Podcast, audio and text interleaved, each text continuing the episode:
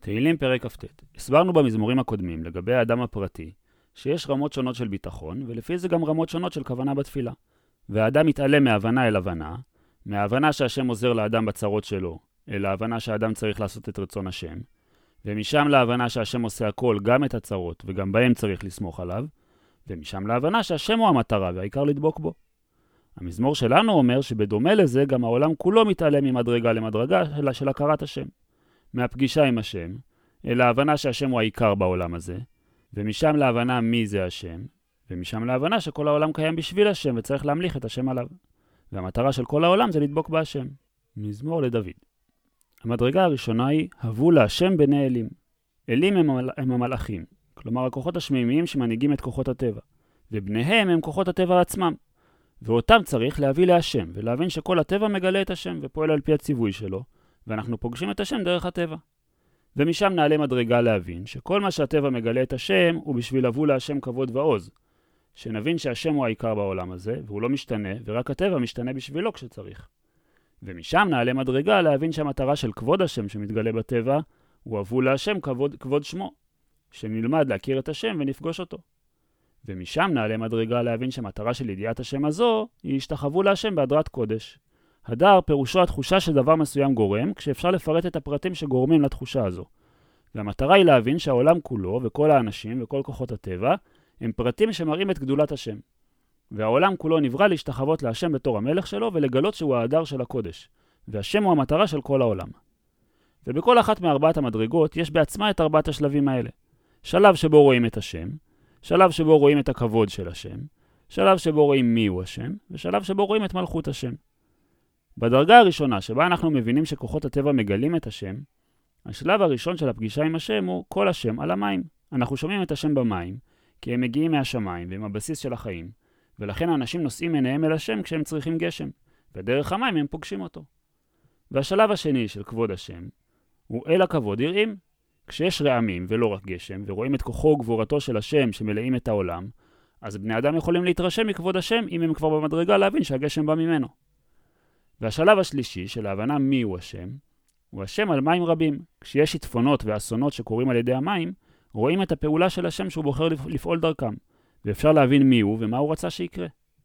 והשלב הרביעי של מלכות השם הוא שכיוון שאנחנו שומעים את כל השם בכוח של המים ושל כוחות הטבע כולם, אנחנו מבינים גם שכל השם בהדר, וכל פרטי הטבע, גם כשהם מתנהגים כרגיל, וגם כשהם לא נצרכים לתהליך של החיים כמו המים, הם גילויים של השם בדיוק כמו המים, וכל הבריאה מגלה את השם.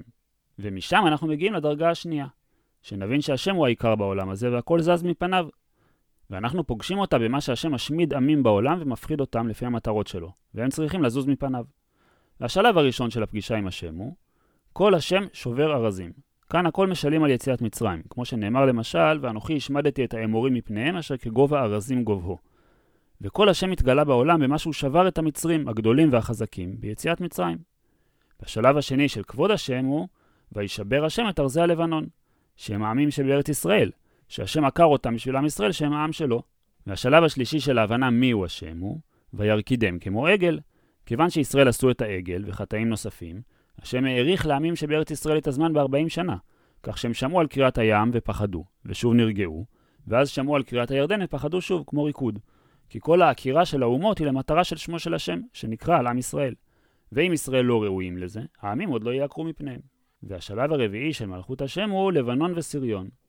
האזור של החרמון שבו ישבו ענקים ועמים חזקים מאוד, נכבשו על ידי סיחון ואוג, כדי שהכיבוש שלהם יהיה כמו בן ראמים, שיש לו קרניים גבוהות, ועל ידי שישראל ינצחו אותם יתגדל מאוד הכבוד של השם.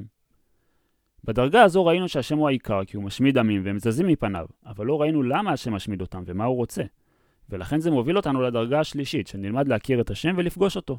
והשלב הראשון של הפגישה עם השם הוא כל השם חוצב להבות אש, במתן תורה, כשהשם חצב את האותיות על הלוחות באש. ובזה שמענו מה הוא אומר לנו.